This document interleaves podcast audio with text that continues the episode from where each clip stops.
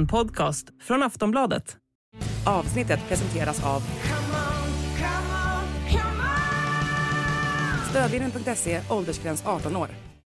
13 personer ställs inför rätta efter mordet på en 41-årig Södertäljebo som blev offer för en så kallad felskjutning i oktober 2022. Mordet var ett av flera när det rasade ett våldsamt gängkrig i Södertälje mellan två grupperingar.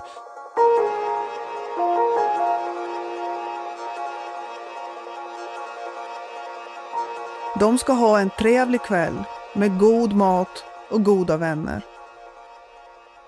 De båda männen har varit kompisar sedan ungdomen. De startar kvällen med att ta varsin drink. Och de tar en bild när de skålar med glasen. Sen ska de på grillfest. Det är bara några hundra meter bort.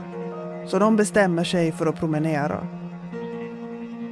De vet om att det är oroligt i stan. Och de har naturligtvis läst om gängkriget. Men det är inget som berör dem. De går mot festen. De småpratar och håller på med mobilerna. Då kommer en svartklädd kille på en elcykel. Han kommer bakifrån och kör förbi dem. Några meter framför dem stannar han och vänder sig om.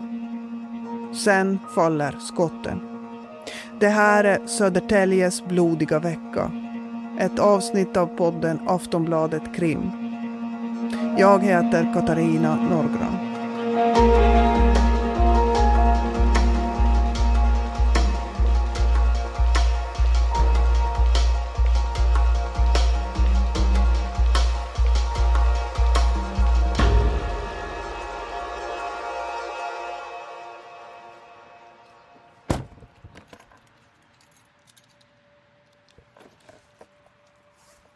Vi är i utkanten av Södertälje, i ett vanligt svenskt villaområde. Husen står bakom häckarna som kantar gatan.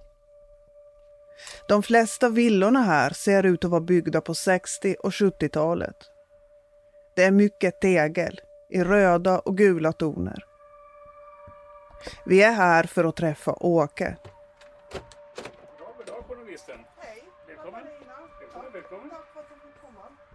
Absolut, självklart. Vi, eh, vi kan bidra med någonting som är bra för samhället. Åke är en välklädd och parant man med grått bakåtkammat hår. Han har bott länge i området. Jo, det var väl så här då att jag eh, byggde det här huset eh, 1976 och flyttade in 1977. Och lugnt och fint område på alla sätt och vis och grannsämja, grannsamverkan. Vi kände väl alla så småningom som man gör på sånt här område. Så det var ett väldigt eh, trevligt område på alla sätt och vis. Och sen går tiden vidare, barnen går i skolan, barnen kom, går i skolan och vi jobbar och vi gör det vi ska så att säga. Eh, så ja, vanligt vardagsliv helt enkelt kan man säga. Umgås med släkt och vänner och som man gör i en vanlig familj kan man säga.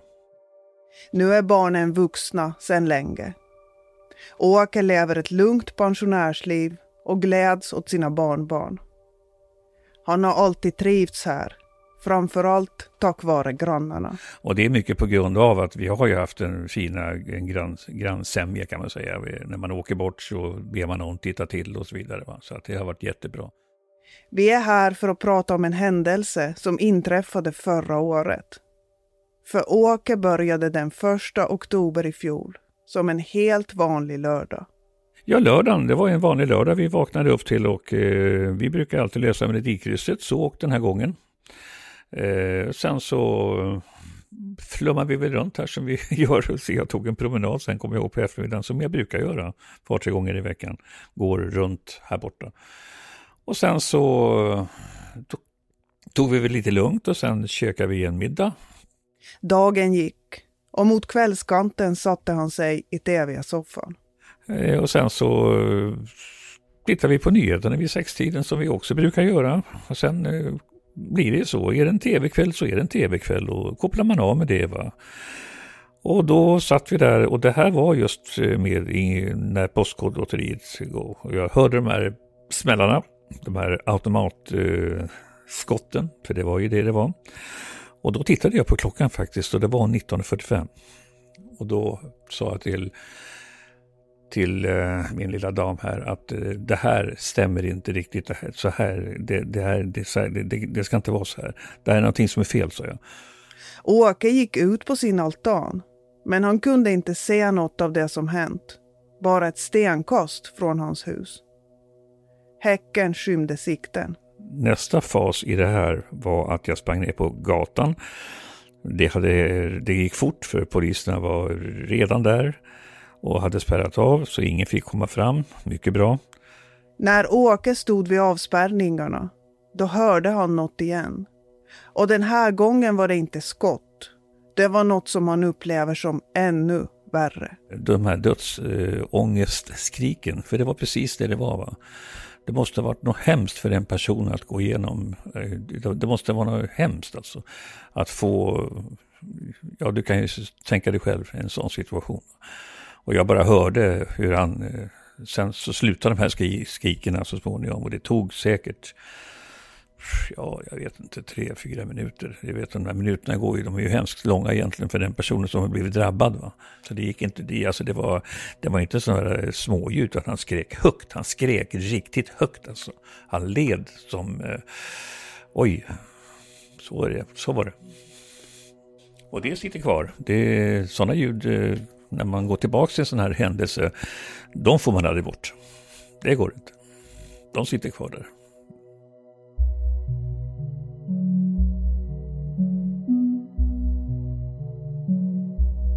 Det här avsnittet ska handla om ett blodigt gängkrig.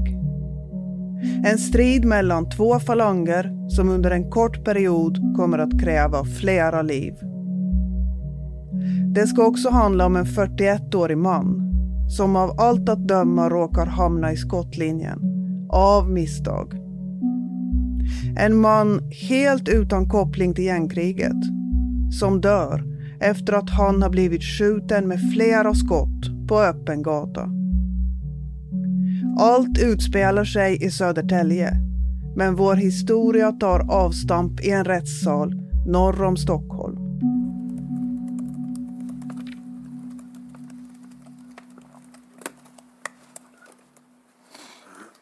Vi är i Attunda tingsrätt. Det är en ruggig dag i början på november. Utanför faller ett kallt regn. Rättegången ska köra igång i tingsrättens underjordiska säkerhetssal. 13 unga män är åtalade. Enligt åklagaren är de alla knutna till det så kallade Saltskogsnätverket, ett kriminellt gäng i Södertälje. Det är rörigt. Tre, fyra av de åtalade har inte kommit än. De som är misstänkta för de grövsta brotten de sitter häktade och har transporterats hit. De andra ska ta sig hit för egen maskin. Nu sitter deras taxi fast i trafiken. Lite tunt ser det fortfarande ut. Det var några som var på väg, sa advokat Carlén. Och de sitter i taxi så de är här när som helst. Vet du vilka det är förutom... Min klient är också... Mm. Det, är, det är samma. Och, då kanske... och min klient. Det är en klient, okej. Okay. Vet vi när den här taxin kan tänkas anlända på ett ungefär? Yeah. Jag har fått uppskattad tid 09.49. 09.49, ja mm. det var GPS som säger det. Ja, hon är 09.45 nu så att vi fortsätter lite. Tre av de misstänkta är åtalade för mord. De andra har enligt åklagaren på olika sätt hjälpt och skyddat dem. Vi är ett par journalister här Bredvid oss sitter några unga killar som verkar vara kompisar med de åtalade. Vi sitter bakom en skottsäker glasruta. Eftersom säkerhetssalen ligger i källaren finns det inga fönster här. Det är kala ljusbruna väggar och lysrör i taket. I väntan på att alla ska komma passar rättens ordförande på att dra ordningsreglerna. Sen har vi en hel del åhörare. Det är ganska enkla eh, ordningsregler. Den som eh, brukar stridas mest mot det är telefoner. De ska inte bara vara avstängda och på en ljudlös. De ska vara helt avstängda och de ska vara undanstoppade. Inga telefoner. Om det är någon media som behöver dator etc. så går det bra. I övrigt så eh, håller vi springet till ett minimum så att vi inte springer in och ut hela tiden. Det blir ganska störande i längden. De åtalade sitter med ryggen mot åhörarplatserna. 18-åringen, han som enligt åklagaren var den som avlossade skotten, han sitter på främsta raden. Han ser liten och späd ut i häktets gröna fleecetröja, där han sitter bredvid den kavajklädda advokaten. Framme till höger sitter de målsägande. Det är de som har drabbats hårdast av brottet. Det är den dödade mannens anhöriga och hans vän. Vännen som var med när han blev skjuten. Till slut kan åklagaren Marcus Hankio inleda med sitt yrkande. Åtalspunkten 1 så yrkas det ansvar för mord i första hand och sen är det lite alternativyrkanden. Eh, och detta enligt följande har gemensamt och i samråd eller i vart fall tillsammans och i samförstånd berövat livet den 1 oktober 2022 på Enhörnaleden, Södertälje kommun.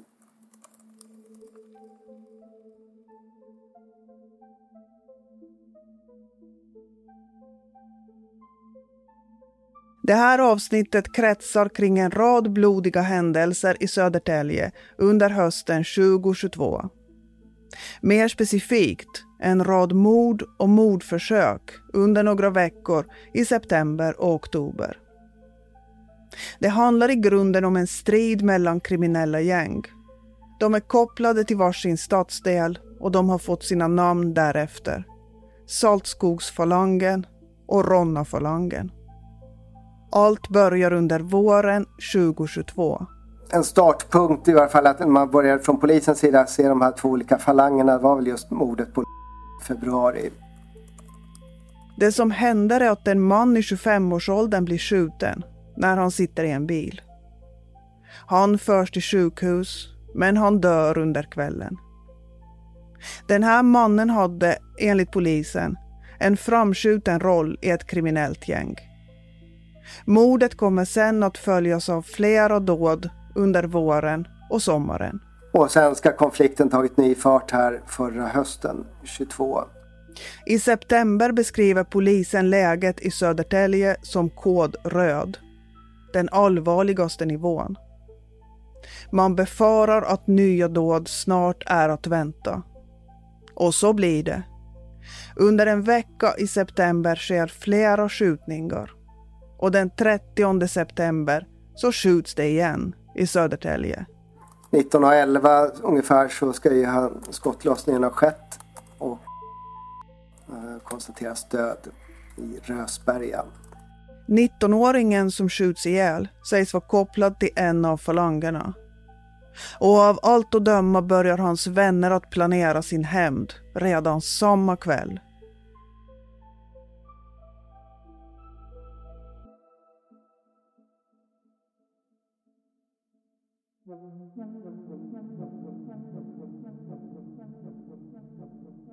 Dagen efter är den 1 oktober, en lördag. Det är en ganska mild höstkväll och regnet hänger i luften. En 41-årig man och hans några år äldre vän har träffats och umgåtts i en lägenhet i Ronna. Planen är att de ska ut på fest på kvällen. Och det här var en lördagkväll när han och var på väg till en annan person för att ha det trevligt på en grillmiddag. Runt halv åtta-tiden ger de sig ut på stan. Och strax efter 19.30 så har de lämnat bostad för att promenera till en gemensam vän för den här grillmiddagen. Och då har man gått ner längs Enhörnaleden på gångbanan, en sträcka på cirka 700 meter. Och sen när man kommer i höjd med en busshållplats, Odalvägen, så passerar en person på cykel de båda. Killen på cykeln är helt klädd i svart. Själva cykeln är en så kallad rawbike, en elcykel med tjocka däck. Efter att han har cyklat förbi de två männen går det snabbt. Eh, personen på cykel har sedan vänt sig om och avlossat skott. Den 41-årige mannen träffas av ett stort antal skott. 19 eh, skottskador angavs att eh, kroppens placering, blodbesudlingar samt blodansamling på asfalten runt huvudet tillsammans med avsaknad av blodbesudlingar i övrigt på platsen är starkt stöd för att till följd av skottskador blödande fallit till marken och avlider på plats där han anträffats. Ett av skotten som träffat ansiktet bedöms vara ett närskott. När mannen blir nedskjuten duckar hans vän för skotten som viner runt honom. Befann sig i omedelbara närhet när skotten föll. Och jag menar att det fanns en avsevärd risk för att även han skulle träffas av skotten. Och båda var ju som sagt på väg till en vän som bodde i närområdet. Och trots de eh, stora antal skott som eh, avlossades vid det här tillfället så klarade han sig helt oskadd. Skotten faller klockan 19.40. En övervakningskamera som sitter några hundra meter bort fångar ljudet av skottlossningen.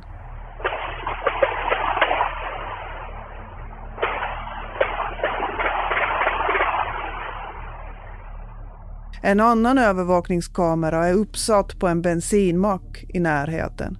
Och då ser man personer som befinner sig vid eh, pumparna och sen här där markören är, eh, där borta ser man en dörr som står öppen och det är frisersalongen. Och även där befann, befann sig några personer som sen springer in för att ta skydd när eh, skotten faller. En kamera inne på macken visar hur människor i panik försöker gömma sig. Att man ser här att nu börjar personerna ta sig in snabbt in på bensinstationen. Och detta på grund av de här skottlossningen. Och inne på bensinstationens butik så har man också där reagerat på skotten som faller och man tar skydd längre in i butiken. Ute på gatan faller 41-åringen ihop samtidigt som hans vän lyckas fly undan skotten. Vännen klarar sig utan fysiska skador men 41-åringen dör på platsen.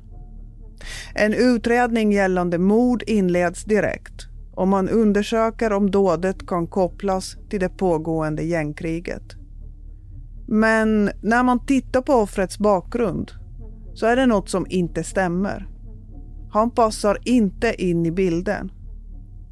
Det ska snart visa sig att han av allt att döma förväxlats med någon annan. Och det var ju som jag nämnde inledningsvis att det finns inget som tyder på att var måltavla för den här skjutningen. Det har inte framkommit något motiv för varför man skulle vilja skjuta ihjäl honom.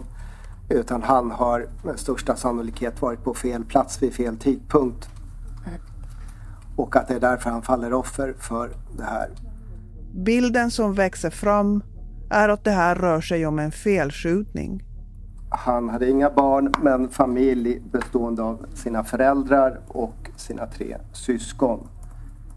Eh, I den här utredningen så har inte annat framkommit än att föll, eh, alltså att han blev ett offer för en felskjutning. Att han, eh, i varje fall i utredningen så är det inte visat på något sätt att han hade någon kriminell koppling.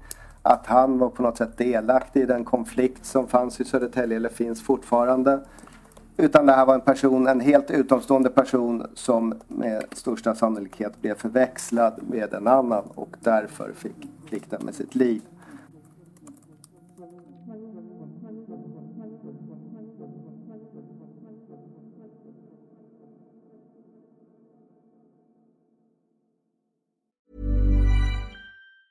Tired of ads barging into your favorite news podcasts? Good news. Ad-free listening is available on Amazon Music for all the music plus top podcasts included with your Prime membership. Stay up to date on everything newsworthy by downloading the Amazon Music app for free or go to amazon.com slash news ad free. That's amazon.com slash news ad free to catch up on the latest episodes without the ads.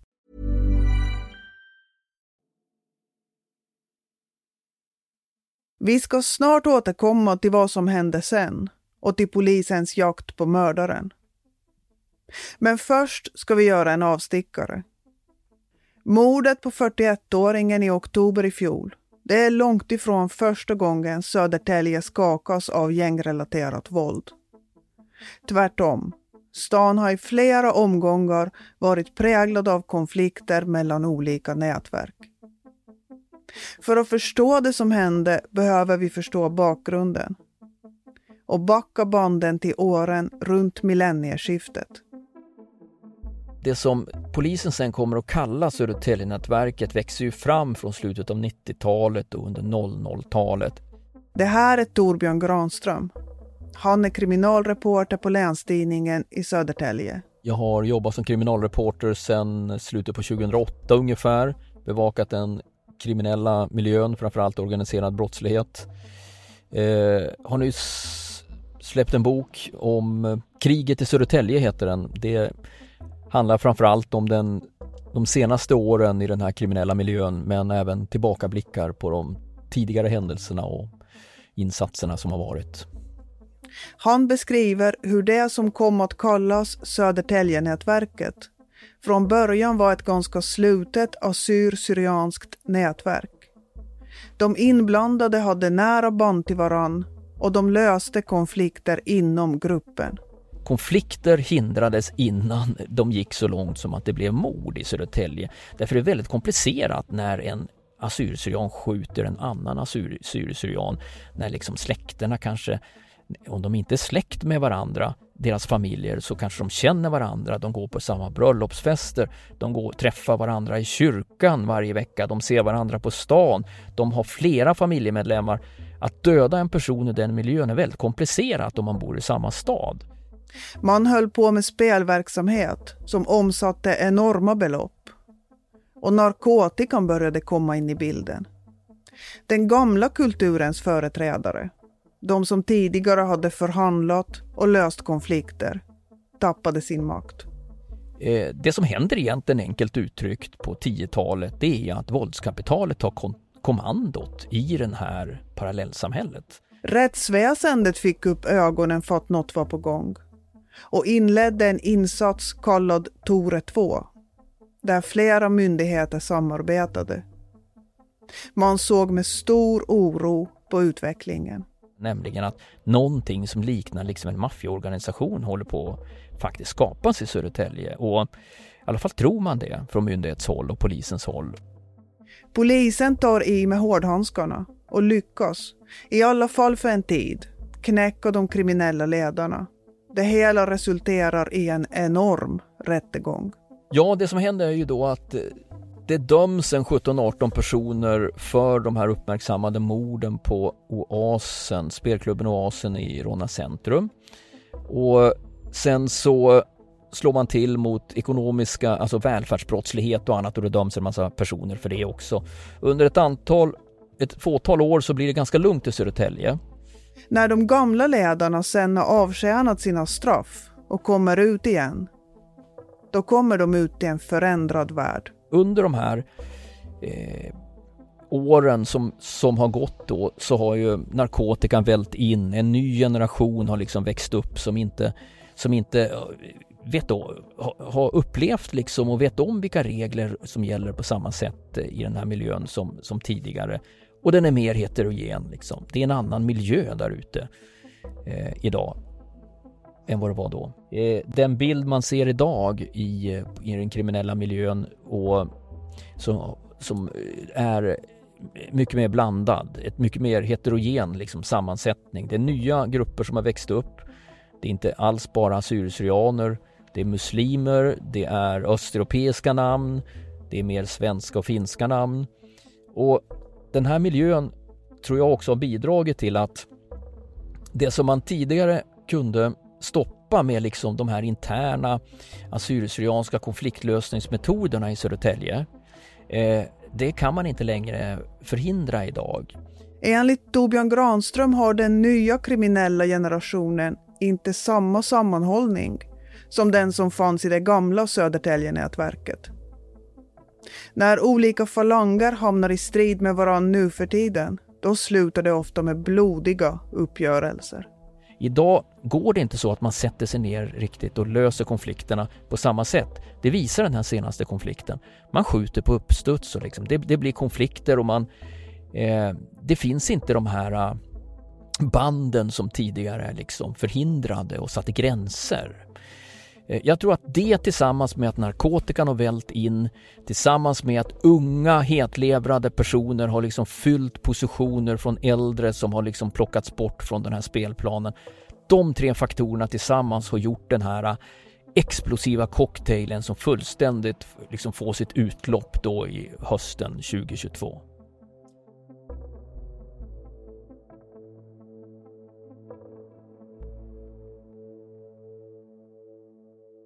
Under hösten 2022 exploderar konflikten mellan Ronnafalangen och Saltskogsfalangen i det som kom att kallas den blodiga veckan. Det börjar när två ledare från Ronna åker till Saltskog för ett möte. Men luras av allt att döma i ett bakhåll. De beskjuts och flyr platsen. En av dem skjuts genom bröstryggen kan man säga, men han får bara ett köttsår. Han klarar sig. Och eh, de flyr från platsen. Eh, det där blir liksom startskottet för Ronna-falangen för att inse att eh, den här Saltskog-falangen har helt enkelt försökt döda de här ledarpersonerna och det vill man hämnas. Det verkar som om ledarna för Ronna-falangen genast sätter sig och planerar sin hämnd. Det man gör direkt där, det är att ledarskapet isolerar sig i en lägenhet som man vaskar fram ganska snabbt i Södertälje. Ungefär som en bunker kan man tänka sig att man utgår ifrån. En vecka senare smäller det. Den 30 september så skjuts en 19-åring ihjäl som kopplas till Saltskogfalangen. Och det här får enorma vad ska vi säga, få ilskan att explodera på Saltskogssidan som nu börjar chatta med varandra och prata om hämnd. Och redan dagen efter smäller det igen. Södertälje kryllar nu av poliser som är där för att lugna ner situationen. Trots det så dyker en svartklädd maskerad person upp och skjuter ihjäl en person då på Enhörnaleden vid Ronnaskolan. Offret är den 41-årige mannen Mordfallet som det här avsnittet handlar om. Den misstänkta felskjutningen. Men dödandet tar inte slut med honom. Även om det inte var en av dem som blev dödad så verkar det som att Ronna-falangen vill hämnas. Igen. På Ronna-sidan så pratar man om det här. Man känner inte den här mördade särskilt väl. Man konstaterar bara att det är en oskyldig som har dött. Men man vet ju att de var ute efter en av dem. Så ganska snart så har man planerat ytterligare ett morddåd mot Saltskogssidan. Några dagar senare kommer en motorcykel inkörande i Saltskog. Och man beskjuter då två personer som har kopplats till Saltskogssidan. De blir träffade av flera skott och en avlider. Eh, så det är tre mord inom loppet på en vecka ungefär.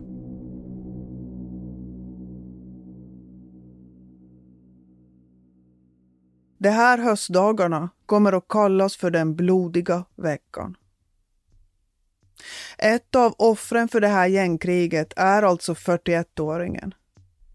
Och han tros som sagt inte ha haft någonting med den kriminella världen att göra. Enligt åklagaren var han bara på fel plats vid fel tillfälle.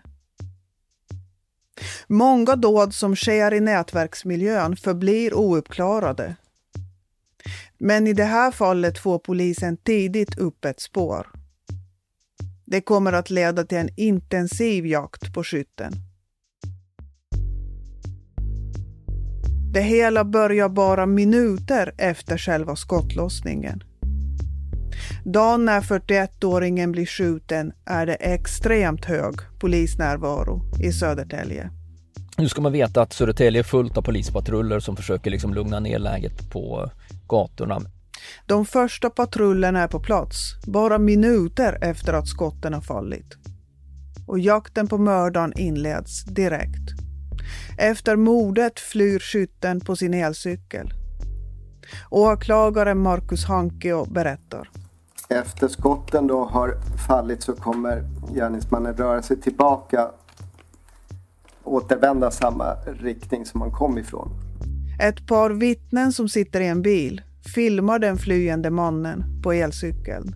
Och de ska ha noterat att det har skett någonting och också filmat en väldigt kort snutt men som fångar då gärningsmannen när han då cyklar tillbaka, alltså från brottsplatsen.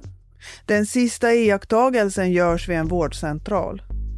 Sen försvinner gärningsmannen bland husen. Polisen tar upp jakten. Med hänsyn till tidigare skjutningar som hade skett i Södertälje så var det en väldigt stor polisresurs på plats. Och, men som inte förhindrade det här som hände. Det var en väldigt stor resurs eh, ute i området och det framgår då i den här promemorian under punkten 30 att eh, i Ronna och inom en radie av cirka 400 meter från brottsplatsen cirkulerade innan skjutningen sju polisenheter av olika slag. Och det var ju polisbilar och motorcyklar och även drönare som var uppe i luften. Vid halv tio-tiden på kvällen stoppar polisen en bil med två unga män. Den nu misstänkte skytten sitter på passagerarplats. Killarna i bilen säger att de bara har chillat under kvällen och efter en stund får de åka vidare. Dagen efter stoppar polisen en fullsatt bil i Täby, norr om Stockholm. Det är den misstänkte skytten och fyra av hans kompisar som sitter i bilen.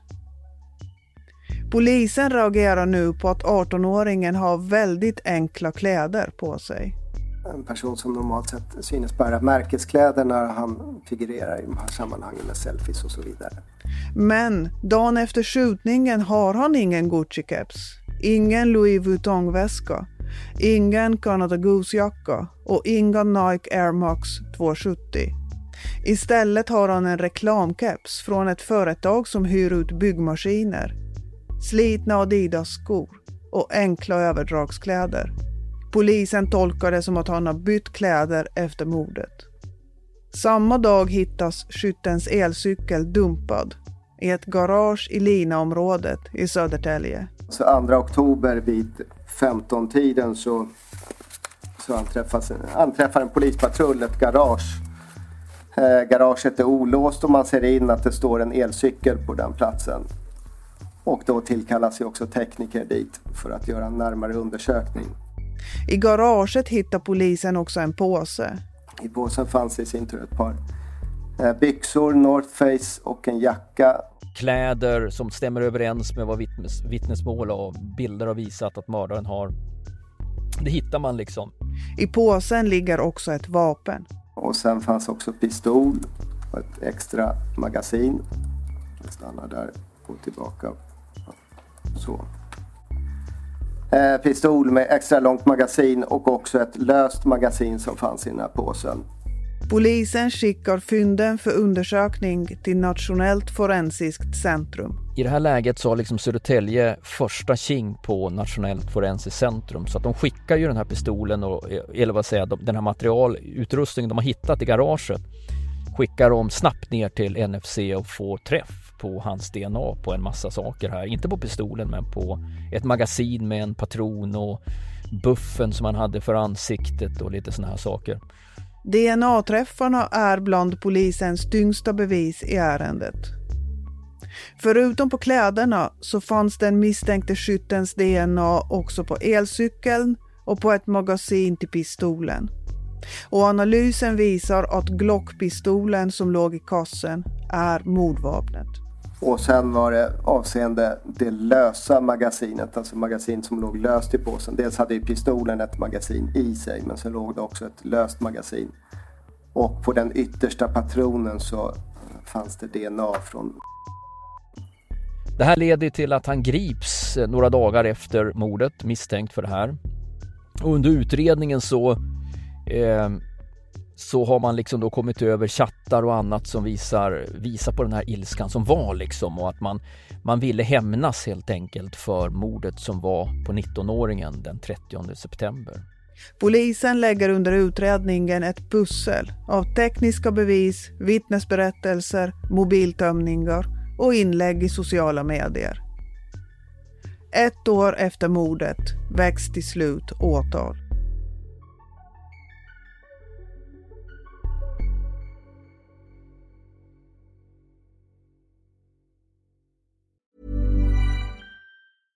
Hey, I'm Ryan Reynolds. At Mint Mobile, we like to do the opposite of what Big Wireless does. They charge you a lot, we charge you a little. So naturally, when they announced they'd be raising their prices due to inflation, we decided to deflate our prices due to not hating you. That's right. We're cutting the price of Mint Unlimited from $30 a month to just $15 a month.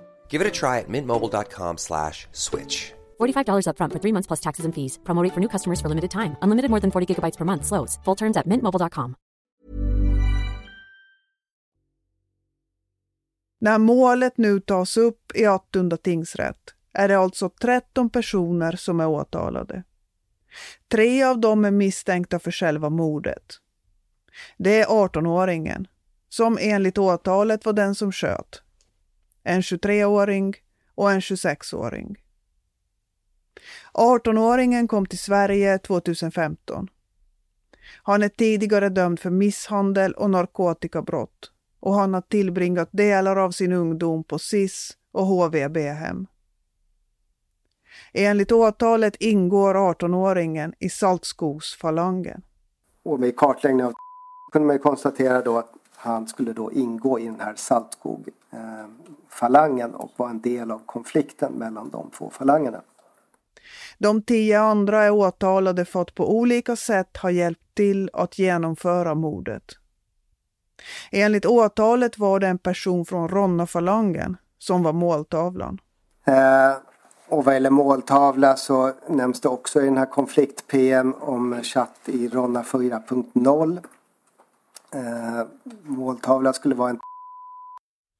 Åklagaren visar porträtt på de båda männen. Han som enligt åklagaren var den tänkta måltavlan och han som blev mördad. Där han ser ut på det här sättet, bild på honom till höger, bild på honom till vänster. Har vissa utseendemässiga likheter. Bilderna visar två mörkhåriga män med skägg. Vid första anblicken är de väldigt lika. Det tilltänkta offret ska också ha befunnit sig i området. Han befann sig vid Ronnaskolan vid tidpunkten för skjutningen, alltså i närheten av den plats där skotten faller och där blir ihjälskjuten. Och det framgår av en övervakningsfilm från Ronnaskolan. Och med tanke på att inte har befunnit sig ha någonting med den här konflikten att göra och inte heller att det i övrigt funnits någon motivbild att ha ihjäl honom så är då teorin helt enkelt att han har blivit utsatt för en felskjutning. Åklagaren målar upp en bild av en miljö som förhärligar våld och av en grupp som svetsas samman av att hata, hota och håna sina motståndare.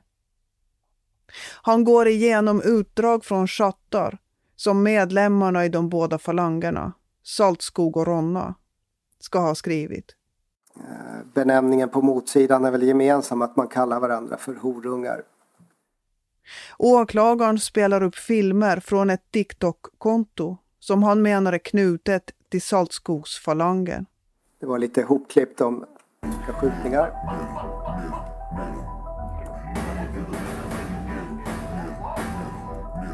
Jag pausar bara. Men det här är alltså övervakningsfilmen från Gulf.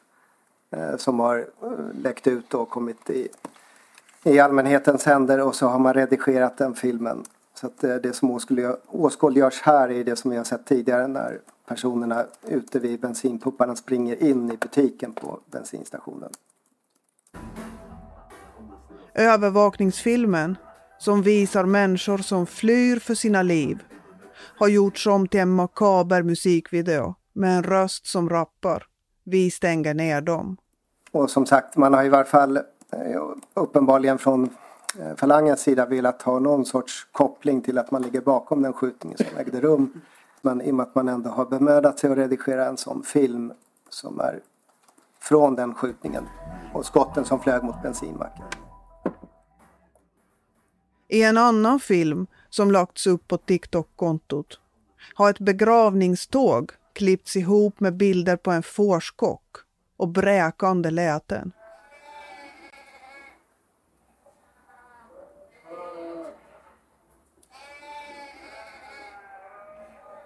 Mannen som begravs i videon ska vara medlem i den andra falangen. Och det påstås då att det här har ju använts av Saltskog-falangen för att håna motsidan då. Åklagaren konstaterar att den misstänkta skyttens mobil är full med material som hyllar våld och vapen.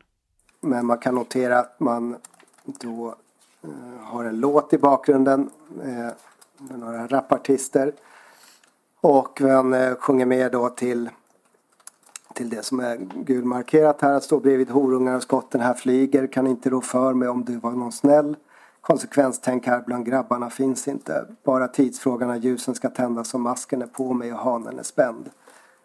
Eh, den våldsromantik då som jag påstår att eh, telefon innehåller, att det återkommer också i detta då. I polisförhören får 18-åringen frågan om han har någon bild på sin flickvän i sin telefon.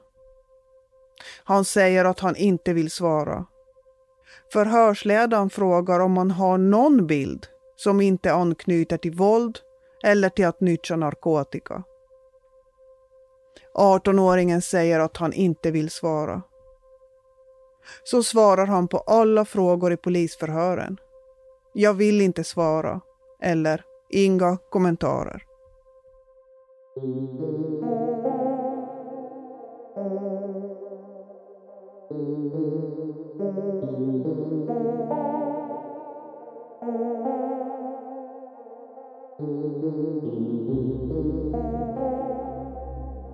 Hur det kommer att gå i det här målet, det vet vi inte när vi spelar in det här. Det återstår många dagar av rättegången som kommer att pågå till mitten av december. Och sen tar det förmodligen flera veckor innan domen faller. Alla tilltalade nekar till brott. Det tål att påpekas att de misstänkta endast är åtalade. De är inte dömda. De ska därför betraktas som oskyldiga tills motsatsen har bevisats. Det har gått ett år sedan Södertälje skakades av den blodiga veckan. Den veckan riktades hela Sveriges blickar dit. Sedan dess har andra delar av landet skakats av gängvåldet. I synnerhet Stockholm, men även andra städer. Torbjörn Granström konstaterar att samma sak som skett i Södertälje nu sker på andra håll. Ja, jag skulle säga att Sverige har kommit ikapp Södertälje. Det är några kommuner som, som liksom hamnade i det här före de andra, men i princip stora delar av Sverige har kommit ikapp när det gäller liksom den här känslan med unga som har dragits in och skjutningar och sprängningar och sånt. Södertälje är nog ganska garvat, eh, Södertäljeborna i gemen. Just nu är det en lite lugn period i Södertälje. Men eh, jag tror att eh, och brottsligheten har liksom Eh, just nu är nog Södertälje, alltså Sverige inne i en period då, då det gäller helt enkelt att, att kväsa den här brottsligheten som har skenat. Eh, och just nu är det lugnt i Södertälje men eh, återstår att se hur länge. Åke, som bor nära mordplatsen och som vi pratade med i början på avsnittet. Han berättar att han känner en viss otrygghet efter det som har hänt. Speciellt på kvällarna.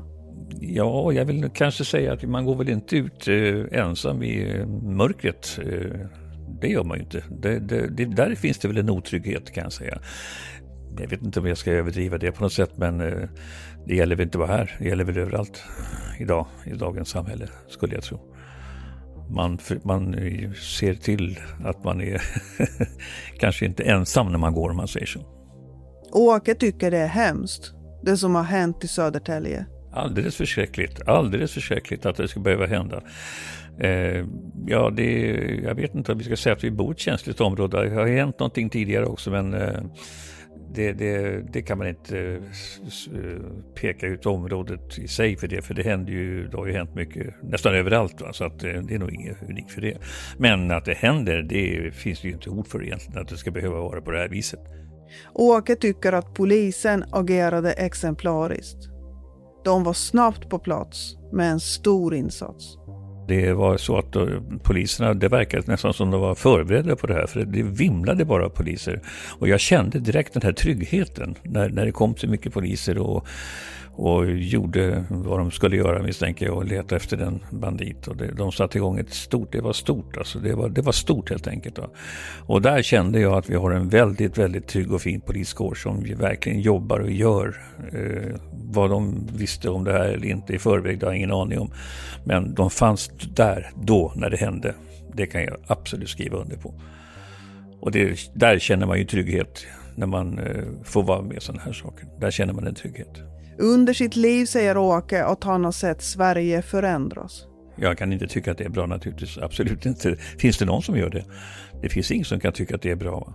Men som jag märker nu eh, så märker jag att det har, eh, de har tagit tag i den här kriminaliteten på ett, eh, på ett sätt där man märker att det börjar hända grejer. Det börjar hända saker. Va? Åke ser positivt på framtiden och han är övertygad om att politikernas insatser mot gängbrottsligheten kommer att få effekt. Nu gör jag det, faktiskt. Det kommer ta tid, men jag gör det, för jag märker förändringarna. Det märks i vardagen. Man märker det.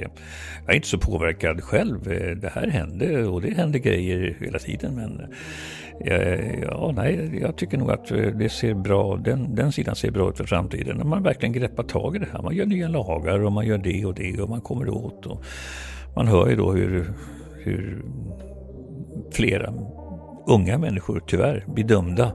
Och det är tråkigt men det måste ju finnas ett stopp på det hela, en balans. Att det, ta slut någonstans. För det kan ju inte fortsätta så här i all evighet. Det går ju inte. Det finns inga möjligheter. Så är det.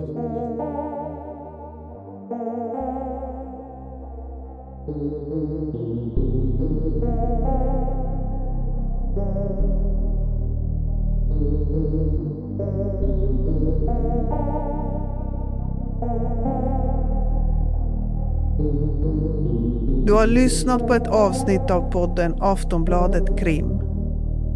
Klippet i början av programmet kommer från Sveriges Radio. Producent för podden var Marcus Ulfsand. Jag heter Katarina Norgran.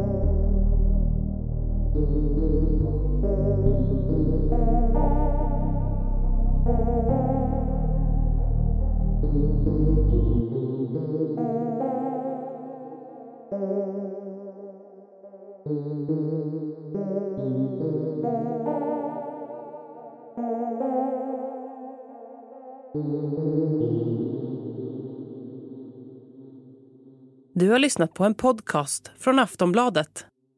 Ansvarig utgivare är Lena K Samuelsson.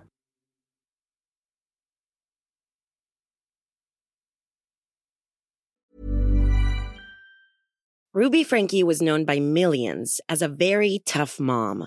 That's exactly the way she wanted it. The social media star amassed a huge following of supporters and detractors alike. preaching the values of strict discipline. But you'll learn in a new podcast available exclusively on Wondery Plus how the small empire built by this momfluencer crumbled the moment her 12-year-old son escaped their home and called 911.